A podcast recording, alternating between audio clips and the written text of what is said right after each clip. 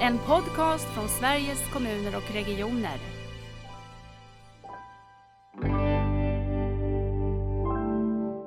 så handlar det ju jättemycket om att man ska känna förtroende för den personen och att man ska våga ställa frågor och att man ska våga ta emot svar.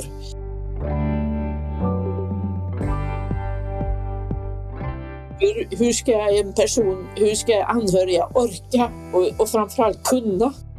Och jag tyckte ju ändå att min bakgrund hjälpte mig väldigt mycket i detta. Att jag kunde, jag var en slags koordinator för det hela.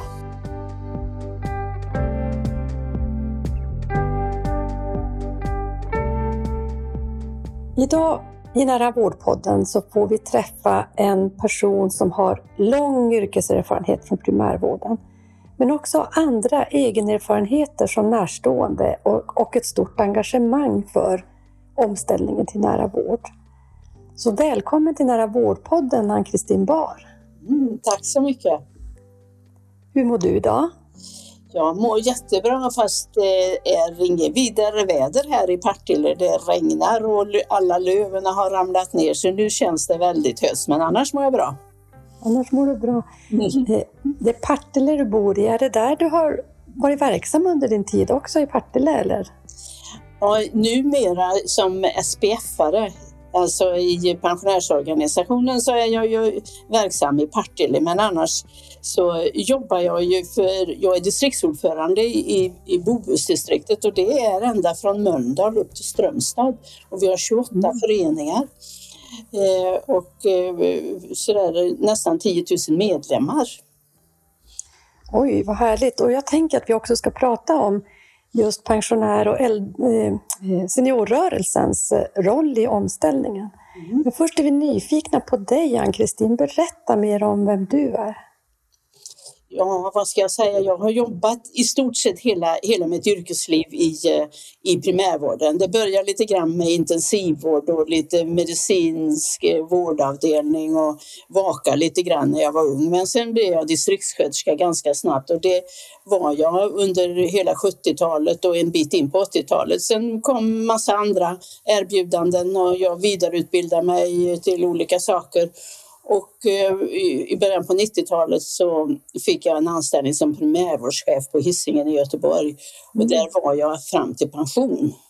Och det var ett fantastiskt intressant och roligt arbete för det handlar ju om, om allting. Det handlar ju om barn. Det var barnhälsovård och mödrahälsovård och ungdomshälsa och skolhälsovård och, och så var det människor i mitt i livet och människor med psykisk ohälsa och det var massa saker och, och eh, vi var ett fantastiskt gäng på Hisingen. Det var tio vårdcentraler mm. och, ehm, och rehab och mödra och hälsovård och, och, så vidare och ett fantastiskt eh, gäng människor som var duktiga och, och kreativa. Så vi gjorde en massa roliga saker på den tiden.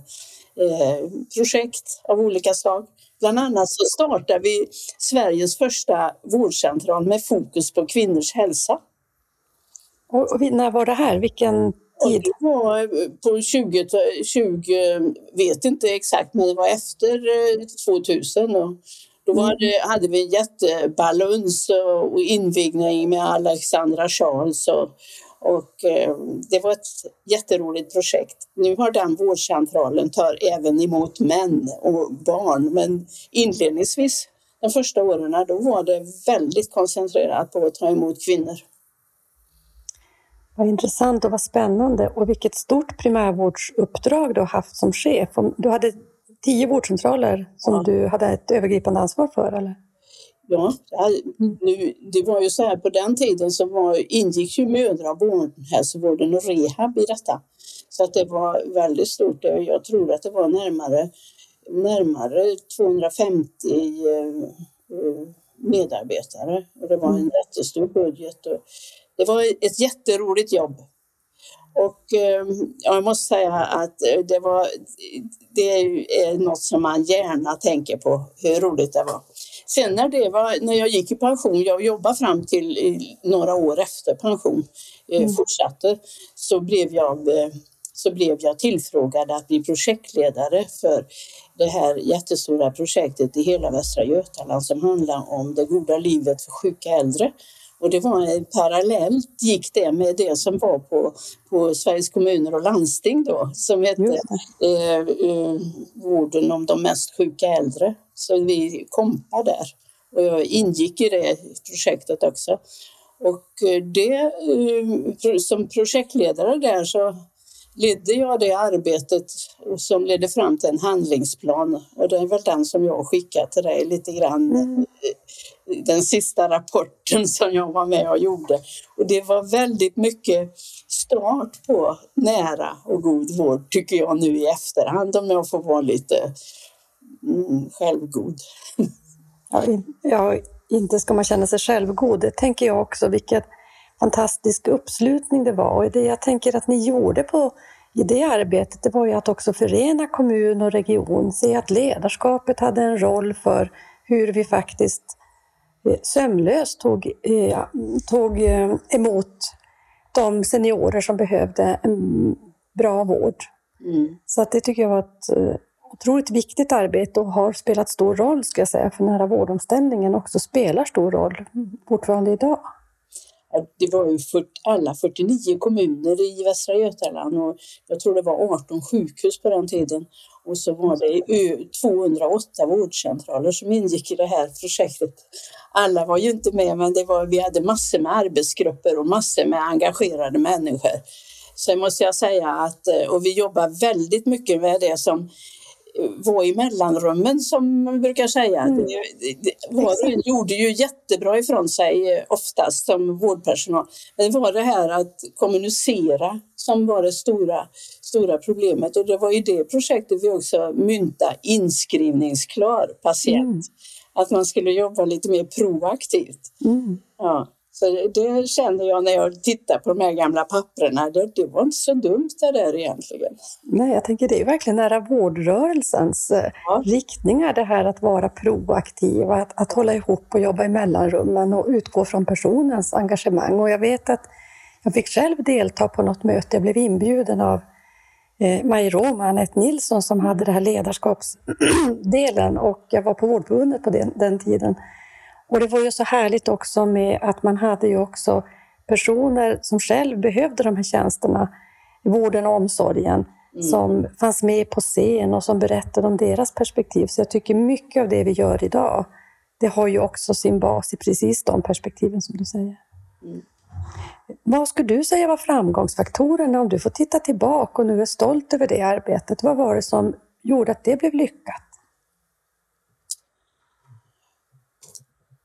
Jag tror att det var att vi hade eh, väldigt mycket fokus på den som vi var till för. Mm. Att, att man försökte tänka utifrån hur skulle det vara om det var jag som skulle ha det här? Och, och, eller någon anhörig till mig. Hur skulle det då gå till för att det skulle bli bra? Det var väldigt mycket sådana saker.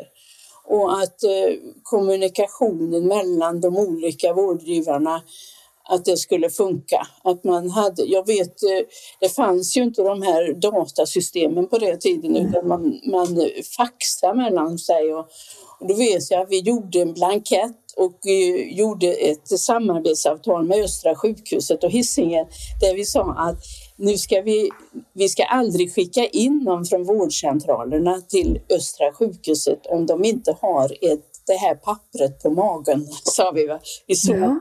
den här personen på en bår liksom, va? och det var det här proaktiva, att det här har hänt och så här mår, jag, mår den här personen. Och det var ju läkarna som kommunicerade det var primärvårdsläkarna som kommunicerade med, med eh, eh, sjukhusläkarna. Och det var ett jättebra samarbete som vi hade. I, men sen, sen händer det ju saker, det går framåt och så försvinner vissa saker. Vissa saker mm. består mm. men eh, blir bättre. Och så får man det här eh, digitala kommunikationssystemet som då kanske kan underlätta. Precis. Man, man tänker ju man kan nästan inte tänka, det är ändå inte så länge sedan, att vi faktiskt inte hade all den här digitala möjligheten att kommunicera. Nej. Och vi kunde faktiskt jobba och fixa det utan det digitala. Tänk hur mycket lättare, vilka förutsättningar vi har idag. Ja, ja. Ann-Kristin, du har också berört mig mycket för att du har ju också eh, i din erfarenhetsportfölj eller ryggsäck eller vad man ska säga, också en eh, erfarenhet som du brukar dela med dig av som handlar om din, din roll som närstående när din man blev sjuk. Vill du dela med dig av det också till, till oss i podden? Ja, med risk för att jag börjar darra på rösten mm. så gör jag gärna det. Mm, gärna. Eh, min man Lutz, han fick eh, diagnosen eh, rimblåsecancer och behandlades för det under en relativt lång period Eh, med cytostatika och sen med immunterapi och, och eh, hade diverse diverse komplikationer av och till, inte minst under cytostatikabehandlingen som ledde till att vi, vi, han blev sjuk, han blev dålig och vi behövde åka in till sjukhus. Och då, det jag tyckte då var, var synd var att man inte kunde få mer direktkontakt och kunna få hjälp utan att behöva åka till akutintaget. Men det var det enda som erbjöds, som man säger så. Och det hände ju några gånger då med jättefebertoppar och så vidare under de här åren och han fick, vi fick ge oss iväg. Och, och det var inga lyckade eh, sjukhusvistelser kan jag säga. En gång så låg han 12 timmar på akuten på Sahlgrenska och sen blev han skjutsad i ambulans till Mölndals sjukhus och guppade iväg där på alla rondeller som han tyckte var det hemskaste han hade varit med om.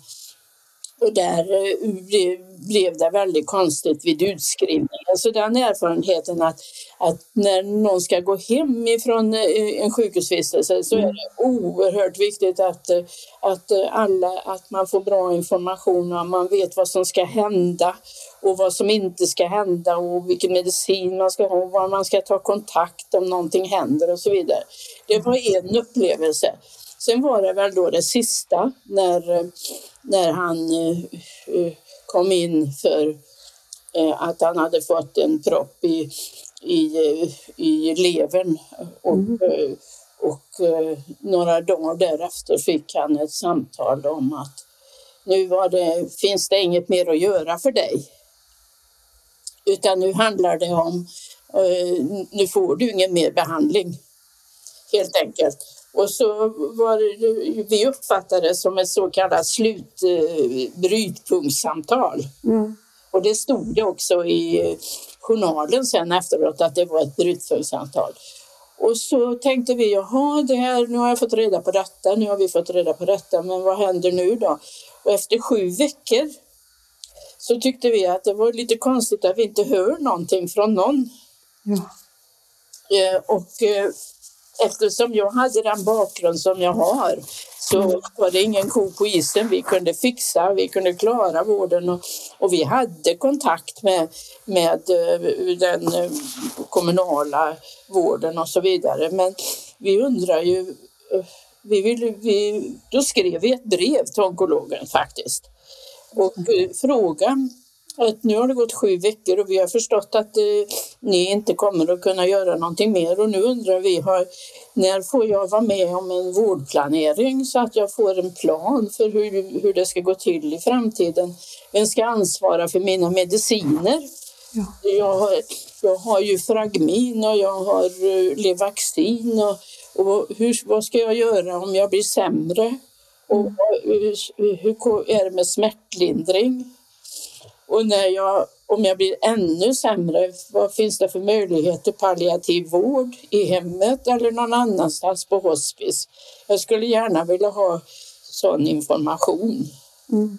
Och då var, kan jag ju säga att då var jag ju, tyckte jag ju att det gick för långt att man inte har hört någonting efter sju veckor. Det var visserligen en vecka efter ringde en sjuksköterska från onkologen. Det måste jag säga. Men sen var det helt dött. Och vi hörde ingenting från vare sig från vårdcentralen eller ifrån men vi hade kontakt med hemsjukvården i kommunen och där fanns det en sjuksköterska som vi kunde prata med. Mm. Och eh, hon tog kontakt med, med vårdcentralen och sa så här, har ni fått papperna från onkologen? Det hade man inte fått. Och, och, och ditten och datten. Så att det, det var ett praktexempel på hur det inte ska fungera. Kan jag säga. Mm. Vad, vad har de... Ja. Förlåt, kör. Prata vidare Ann-Kristin. Ja, då, då, då när, när det här brevet kom fram så ringde läkaren från onkologen. Och jag skrev ner vad han sa och så. Han sa så här att ja, nu det, du har uppfattat rätt, vi har avslutat eh, och, och jag tror att du behöver använda den här medicinen livet ut. Mm. Och är det någonting att du behöver hjälp så får du kontakta din vårdcentral. Mm. Ja. Och Då då, var det, var det som slut med kontakten? det var slut med den kontakten. Efter det hade, har vi inte haft någon kontakt eh, faktiskt. Och sen gjorde, jag ju, så- gjorde vi ju så, så att vi, så han fick ju bra hjälp ifrån den kommunala hemsjukvården. Men då handlade det ju om väldigt kort tid. Mm. Och din man, han gick bort. Hur länge sedan är det nu? Nu har det gått ett år. Mm. Jag gråter fortfarande när jag tänker på det. Mm. Och det är ju inte för att vården var då, för att inte det funkar utan det är för att jag är ledsen för att han inte finns. Ja, det är ju självklart. Det jag märkte var att det är mellanrummen som inte fungerar och att man inte kunde få palliativ vård hemma. Om man skulle behövt dropp eller liknande så var det inte möjligt. Men var man hänvisad till sjukhuset då eller? Ja. Men han behövde aldrig det. Nej. Eller eh, det gick utan. Mm. Men om man hade jag tänker på en del andra eftersom jag är i seniorrörelsen. Jag, jag träffar ju på människor, många med andra sjukdomar som kan kanske behöva både blodtransfusioner och dropp i hemmet och att inte det, funger, att inte det går, att inte man har kompetens i kommunerna för det. Nej, att kunna få ha ett så bra liv som möjligt, även om det är i livets slut, är ju så viktigt. Och det är klart att få vara nära sina, Ja. sina nära och kära, men också i sitt eget hem, är ju så viktigt för så många. Nej. Mm. Jag tycker att jag är så himla glad att, jag, att Lutz kunde vara hemma hela tiden. Mm. ända tills han eh, somnade in. Mm. Det var väldigt positivt. Och det känner jag att dels det är jag väldigt, det är jag väldigt glad för att eh, det gick att klara av det. Men jag tänker ofta på äldre människor som, eh, som råkar ut för ungefär detsamma. Mm. Hur, hur ska en person, hur ska anhöriga orka och, och framförallt kunna? Och jag tyckte ju ändå att min bakgrund hjälpte mig väldigt mycket i detta. Att jag kunde, jag var en slags koordinator för det hela. Mm.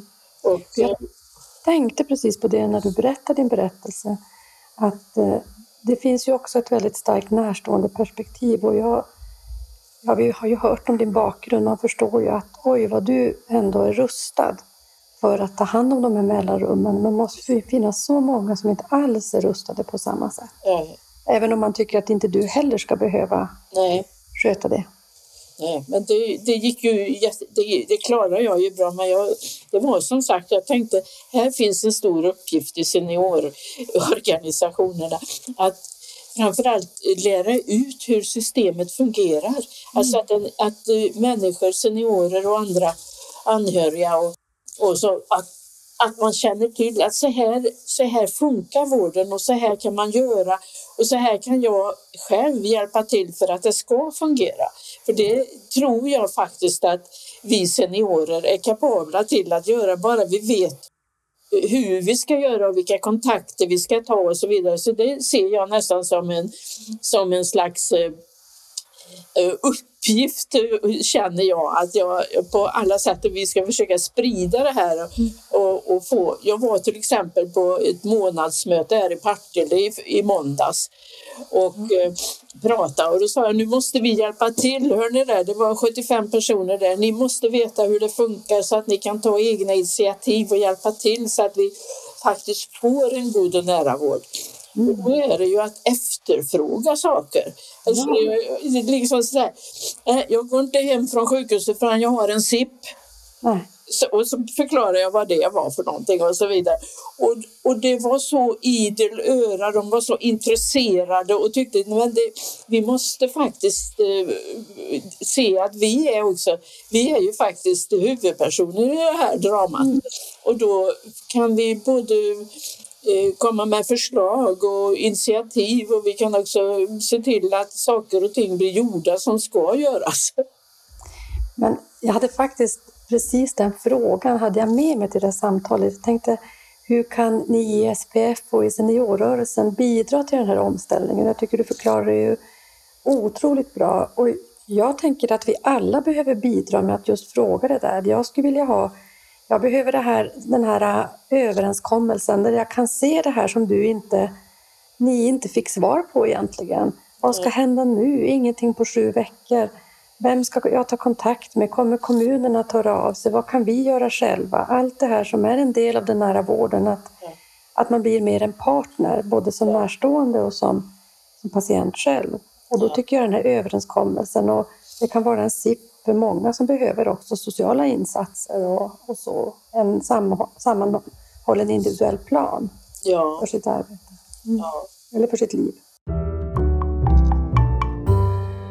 Vad, vad tänker du händer nu? Det fanns, de var idel öra, de var intresserade. Kommer ni att eh, ta åter upp tråden kring de här frågorna? Eller hur jobbar ni i pensionärsrörelsen eller seniorrörelsen? Ja, det finns ju jättemånga goda initiativ och vi har ju då, vi har ju då fått en första inblick i vad god och nära vård när du och Maj var och hälsade mm. på oss. Men det måste vi fortsätta med. Det finns jättestort informationsbehov och det är väl kanske det som vi får satsa på. Och, och så sen här, eftersom jag är ordförande här i, i, i Bohus, så erbjuder jag samtliga våra 28 föreningar att jag kommer ut och berättar. Mm. Och, eller, och sen kanske någon annan också kan eh, hänga på och, och berätta. Och att vi faktiskt eh, börjar med den delen och så sen att man kan ha frågestunder och och sådana saker. Så jag tror att eh, jag kan inte svara för hela förbundet utan jag kan svara för, för, för detta distriktet att detta tänker vi faktiskt göra och sprida budskapet ordentligt. Och då kan man ju också bjuda in eh, duktiga projektledare och tjänstemän och ansvariga politiker och så vidare och till olika, olika möten och mm. fråga hur, hur, ser ni på detta och hur kan, hur, vad, vad, kan vi förvänta oss och vad vill ni att vi ska bidra med och mm. så vidare. Jag tror att, eh, att att jag tror jag sa det också här på Partille-mötet, att nu måste vi hjälpa till så att, detta kom, så att det blir verklighet det här goda ambitionerna med god och nära vård. Vad sa du Ann-Kristin, vad sa du sista? Jag sa så här att nu får vi hjälpa till genom att ställa frågor och veta vad, vad, som är möjligt och, och lära känna. Nu ska vi faktiskt alldeles snart här i, i det västra hälso och sjukvårdsområdet, det är södra, södra delen av VGR, så ska vi göra en sån här så kallad vårdcentralspatrull. Alltså vi ska, mm. ja, vi ska gå ut och fråga och då kommer vi ha med de här frågorna utifrån det här nya god och nära vård. Mm. Och eh, hur jobbar ni på vårdcentralerna med detta? Vilket fantastiskt eh, ja, arbete, precis som man har gjort många år i, i andra seniorrörelser när man tittar på matkassen på ICA eller Konsum och var får man billigaste. Tänk dig någonting sånt på i vården också. Att, ja. Eh, I Jönköping har man gjort detta. Det, det, det, finns ett koncept från Jönköping som heter Vårdcentralspatrullen och det i lite omarbetad version kommer vi nu, så vi har en arbetsgrupp som ska starta den 8 november. Mm. Sen ska vi köra det här i början på nästa år och eh, vi är inte riktigt längre. Men politiken är väldigt intresserad och vill vara med och är med och skriver under brevet. Och, eh, för det tror jag att man, vi kan inte gå ut och, och säga saker i, i, egen regi utan samarbeta med beslutsfattarna och tjänstemännen. Och vi får en bra uppbackning från tjänstemannakontoret med statistik och, och hjälp på alla sätt och vis. Jag hade ett samtal idag på morgonen. Så jag ser fram emot detta. Och jag ser fram emot att få prata med dig när ni har gjort det här och se Ja. vad, vad får ni fram och vad gav själva metoden? Ja, För jag tänker att det är inte bara svaren, det måste ju vara ett lärande också i, ja. i att få de här frågorna på en vårdcentral. Det tror jag faktiskt att det är. Så att det, Mm. det handlar ju, kommer ju att handla väldigt mycket om det, hur, hur man jobbar med kommunen och vilka kontakter man har med vid utskrivning och det, Mm. sådana saker. Så att det blir lite andra frågor än de som man hade i Jönköping Mm. eh, för några år sedan. Så att vi ska bearbeta det frågeformuläret lite. Sen har jag ju pratat med Maj om detta också och, eh, och eh, vi har sagt att man borde ha en checklista. Dels för de som ska sitta i de här pensionärsråden.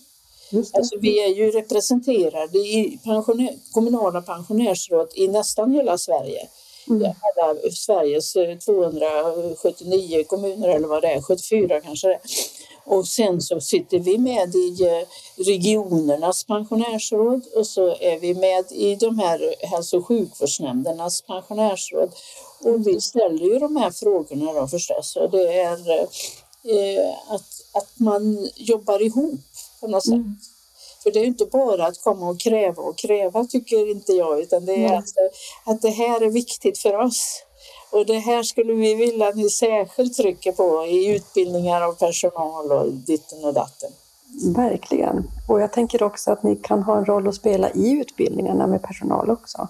Ja. De här samtalen som du och jag har nu, det tänker jag också väldigt kraftfullt att få ha om man jobbar som sjuksköterska eller läkare eller fysioterapeut eller vad man har för profession eh, tillsammans med eh, egenerfarna, både seniorer och, och andra patienter och närstående. Jag tycker det var bra det där med checklista. Det är kanske är någonting som vi behöver fundera på om man också kan göra mer tillsammans. Att, Ja. vad är det man ska tänka på? Jag hade ett samtal med Inger Ro som är ordförande för Hjärt och lung här i Nära vårdpodden för någon vecka sedan. Och de berättade att Funktionsrätt Sverige, som rörelsen heter, som samlar alla patient och brukarorganisationer, de gör just nu en, en typ av eh, utbildning för att man ska kunna känna sig trygg och bra och kunna bidra på ett bra sätt i de här olika forumen som finns i kommuner och regioner. Och det är ju lite lika som du tänker då kring det här med Mm, checklista är precis för lika, seniorer. Ja.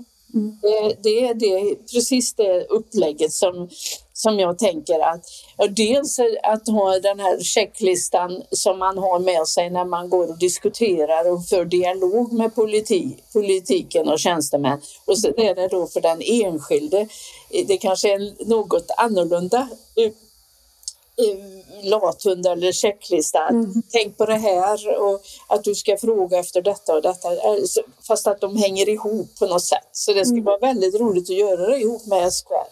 Ja, det vore verkligen spännande. Det får vi ta vidare, Ann-Kristin. Ja, det får vi göra.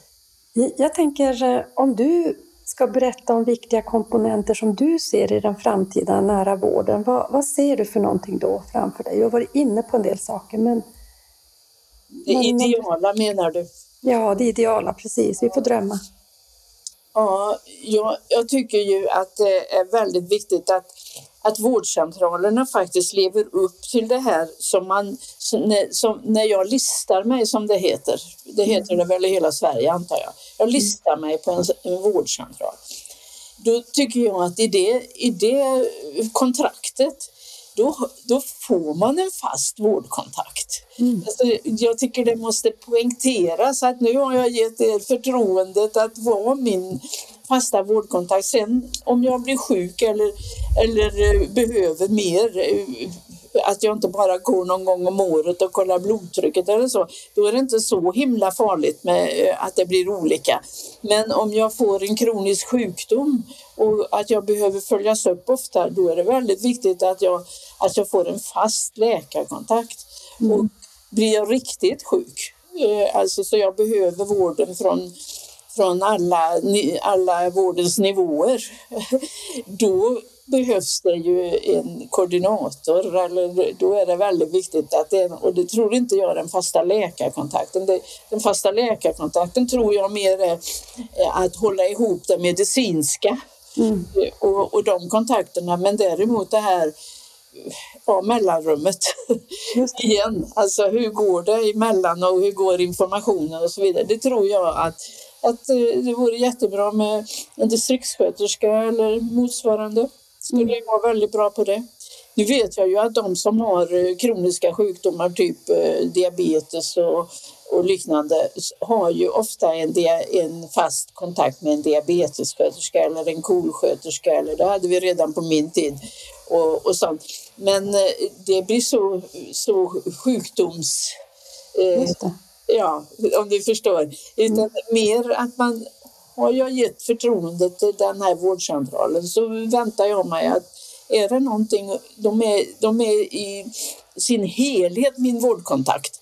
Så att då behöver jag Behöver jag en eh, diabetessköterska så finns det och då får, blir det utvecklat. Och, men behöver jag en rehabinsats så eh, kan jag också få det den vägen. Mm. Eller jag tycker det är intressant det du säger för att man tittar på, det finns en stor internationell studie som brukar förkortas IHP och som jämför 11 OECD-länder och eh, befolkningens syn på vården. Ja. Det är mycket på primärvård också. Mm. Och där så ser man att i Sverige så är det fler som har en, en fast eh, vårdcentral eller mottagning. Och, och jag tänker att vi har pratat ganska lite om det. Så ser det inte ut i många länder. Nej. Och jag tänker vilken potential det finns i det, i det du säger. Att ja, vi har gett förtroende, jag har gett mitt förtroende till er. Ja. Och sen kommer mina behov kanske att förändras under mitt, mitt liv. Ja. Men de finns där och riggar sin verksamhet efter vad jag behöver. Jag tycker det är ett spännande sätt att tänka. Och, och jag kan säga dig att så har jag det faktiskt eh, i min person. Jag har en vårdcentral och om det beror på att jag en gång i tiden var chef över den vårdcentralen, mm. det vet jag inte, men det tror jag inte. Den är så bra så att jag vet, jag känner stor trygghet i detta att händer det mig någonting så är det inga problem. Jag vänder mig dit och de hjälper mig. Ja. Och det var samma med min man. Han hade faktiskt sin vårdkontakt där också. Men tyvärr är det ju så att om, man, om det ser ut som att man ska behöva hembesök och hemsjukvård, då måste man, måste man välja om till en vårdcentral som är närmare bostaden. Och detta var, det var på Hisingen och vi bor i Partille och då hade man inte kunnat, så då, då fick vi eh, välja om.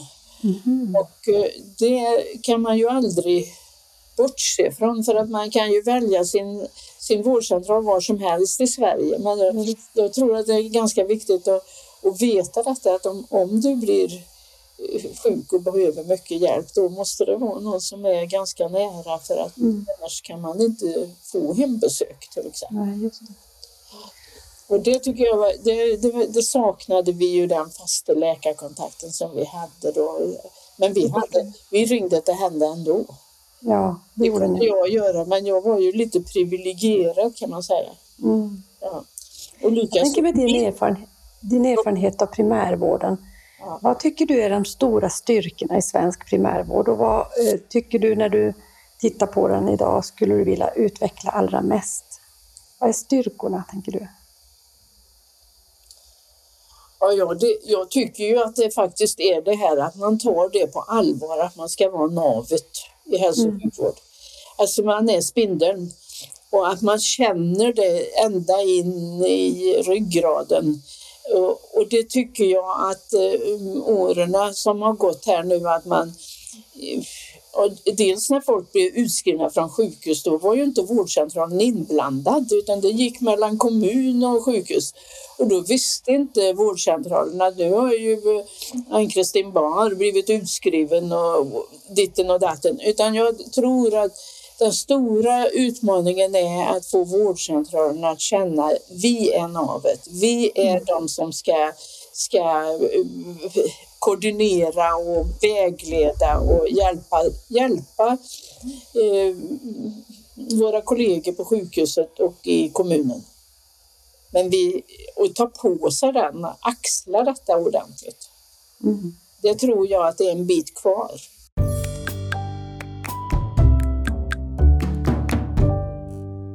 Vad spännande att eh, tänka med all din, din erfarenhet, att lyssna på det.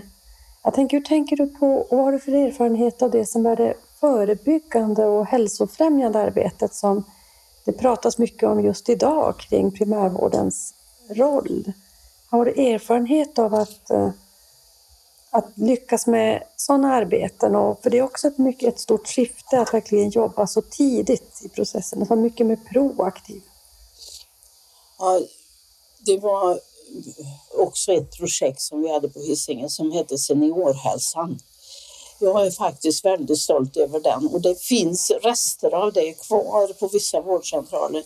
Vi fick alltså politiken på Hisingen då, de var en politiker som var väldigt intresserad av hälsa och vi fick faktiskt projektmedel så vi körde ett projekt på under, jag tror det var fem år till och med. Och då anställde vi hälsopedagoger på vårdcentralerna. På alla tio vårdcentralerna fick varsin mm. hälsopedagog. Och så erbjöd vi befolkningen ett hälsosamtal.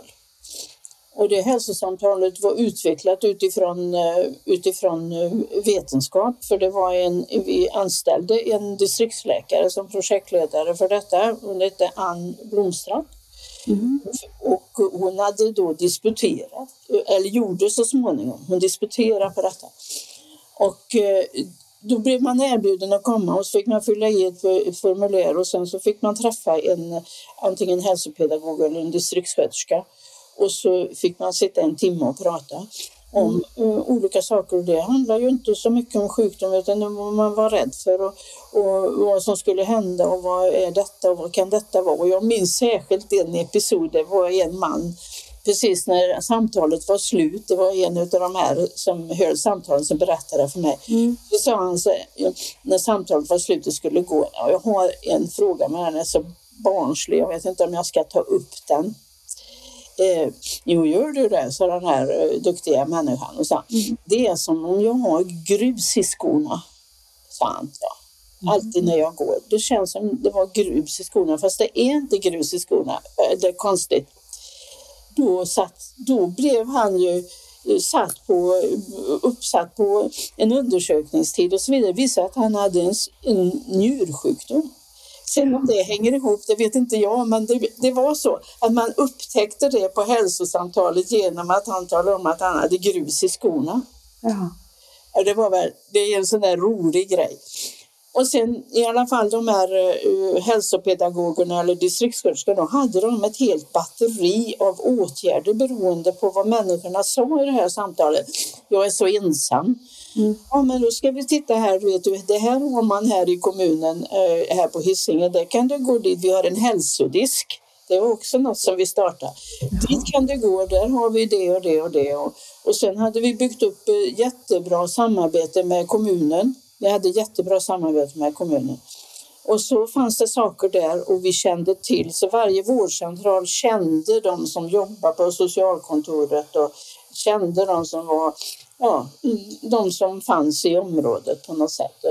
Och det var som en kam av olika, jag brukar rita det så, som en kam, att om de så här så kan man eh, rekommendera detta. Det höll på i många år, vi hade pengar till det i flera år. Men så kom vårdvalet och då fanns det inga pengar till detta. Aha, okay. När, eh, utan då togs det bort ur eh, det här, eller det här ersättningssystemet. Mm. Ja.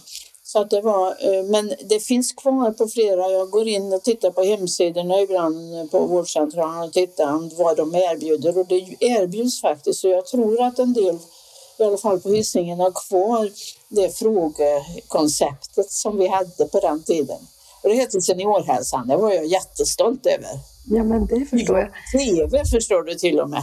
Jaha, till och med det. Ja, så, så viktigt var det. Jag tänker att härligt också att eh, den här vad ska jag säga, paletten av också råd vad man kan göra åt saker och jag tänker också ett samtal som där man har lite längre tid kan ta upp det man kanske inte direkt har en ohälsokänsla utan någonting som, som är viktigt just för mig. Ja, och att kunna få bra råd redan tidigt. Så att, spännande. Och i det vi... ligger ju också att det, var en, att det ingick en slags information om hur, hur det funkar, hur vården funkar. Jag tänkte vi går mot valår och eh, vården brukar alltid vara en av de frågor som vi i befolkningen tycker är de viktigaste. Vad skulle du vilja att den här vårddebatten bland de politiska partierna skulle handla om? Vad skulle du vilja skicka med? Ja, jag, kan, jag kan ju faktiskt nästan rabbla upp vad jag skrev till regionens pensionärsråd så sent som igår kväll. Mm. Och då skrev vi att vi vill diskutera vad, vad eh, regionen gör i det förebyggande arbetet. Mm. Och det är precis det vi har pratat om. Hur är det med screening och hur är det med vaccinationer och hur är det med hälsosamtal? Precis. Mm. Har man möjlighet till det i Västra Götaland? Det var första frågan som vi skickade in igår. Okej, okay. ja. det visste jag inte. Så, så sa vi att, att vi skulle väldigt gärna vilja följa kontinuerligt hur den god och nära vård, hur det utvecklas i regionen och hur man lyckas med de här olika delarna i just detta konceptet i omställningen. Och då handlar det ju, fram, som vi är särskilt intresserade är det då det här eh, eh, i mellanrummen, nu är jag tillbaka till det. Att det vill vi ta upp och detta kommer vi eh, och så sen handlar det ju också om, om kommunikationen, hur man når vården och så vidare. Det är ju alltid det. Och den fasta läkarkontakten och fast vårdkontakt. Så det mm. stod rakt upp alla de här sakerna som du förstår att det ligger långt fram eh, bakom pannbenet på mig och på oss i SPF. Men vad roligt. Vad händer nu med den skrivelsen? Är det något som sen tas och behandlas på ett möte ni har eller hur brukar ja. det gå till? Ja, den 5 november. Mm. Då, då har vi möte om detta och då, då är ju alla pensionärsorganisationer med, då PRO, SKPF och, och RPG också med. Men när det gäller det regionala så har vi inte det att vi ställer frågorna tillsammans utan var, varje organisation skickar in sina.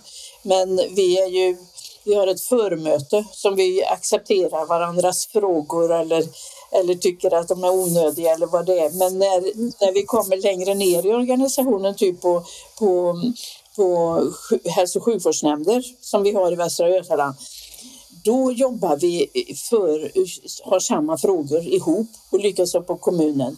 Och de här, när det gäller god och nära vård, så tycker jag att det är samma frågor på alla tre nivåerna. Mm. Det, det, är ju det som är lite bekvämt, höll jag på att säga. Att man, kan man formulera frågorna så kan man ta upp dem på alla nivåerna. Och vi planerade igår att vi ska ha eh, politikerutfrågning när det börjar närma sig valet. Just det. Och det ska vi ha på några ställen i Västra Götalandsregionen. Vad spännande. Och jag tänker också det här att det är samma frågor på alla nivåer. Det visar ju också att ja, men vi måste jobba på alla nivåer samtidigt och då behöver vi ha på något sätt några fokus som vi behöver kunna flytta fram positionerna i som är väldigt viktigt ur ett patient och, och närstående och invånarperspektiv. Ja. Ann-Kristin, vi ska börja avrunda. Jag tänker, är det någonting du skulle vilja prata om som vi inte har tagit upp? Jag tycker vi har berört i alla fall allt som, som, som jag tycker är viktigt just nu och som, mm. som jag tänker på mycket och som vi pratar mycket om i SPF och hur viktigt det är att, att vi som seniorer är, är välinformerade och kunniga och att vi kan föra bra samtal med mm. de som beslutar. För det beror väldigt mycket på på hur de samtalen utvecklar sig, om, om det ska leda till någonting. Och jag märker på sina håll då att, att eh, jag tycker att politiken är lyhörd. För, mm. Det måste jag säga. Mm. Och det tycker jag är väldigt roligt och då känns det ju viktigt att eh, läsa på och sätta sig in i saker och ting. Jag ska säga dig att, att det samtal som vi nu har haft det ger mig väldigt mycket kraft för jag tänker att sånt intresse som jag också mötte när jag var inbjuden att prata hos er. Alla de frågor, det intresset, det engagemanget och sen nu det du berättar om hur ni arbetar så känner man att ja, men vi jobbar på många olika fronter med den här frågan, men vi har samma riktning och det känns ju verkligen kraftfullt. Jag skulle vilja sluta Ann-Kristin med att fråga dig just den här frågan, vad är nära för dig? Just begreppet nära. Nu, ska jag tänka lite nära, säger du. Nära och god vård. Nära. I detta sammanhang så så eh, det första är ju att det är geografiskt nära, men det är ju absolut inte det allra viktigaste. Utan nära tycker jag, jag känner ju då att, att man ska eh, och när man möter dem som man ska ha, bli vårdad av eller träffa eller så vidare så, så handlar det ju jättemycket om att man ska känna förtroende för den personen och att man ska våga ställa frågor och att man ska våga ta emot svar. Och att, det, att den som svarar ska våga det också. Det handlar ju om relation. Och, och det ligger ju mycket i god och nära vår, att man vill trycka på det. Att, och det, det känner jag det är helt rätt, det är det som är nära. Jag tycker jag vill sätta det som etta och, och så kommer geografin tvåa. Och, och så är ju tillgängligheten förstås, den ligger ju som, som en del i eh, i det här med geografi och med att det ska vara lätt att komma fram och ska man ska veta hur man ska göra. Så, så det är väl de här gamla fina uh, orden som vi har haft, alltid mm. kontinuitet och, och trygghet och tillgänglighet och framförallt att skapa, kunna skapa relationer och att personalen mm. eller folket som jobbar, att de uh, är kompetenta vågar vara nära. Mm. Tack så mycket. Tack för att du ville vara med i Nära vårdpodden. Tack själv. Tack för att jag fick vara med.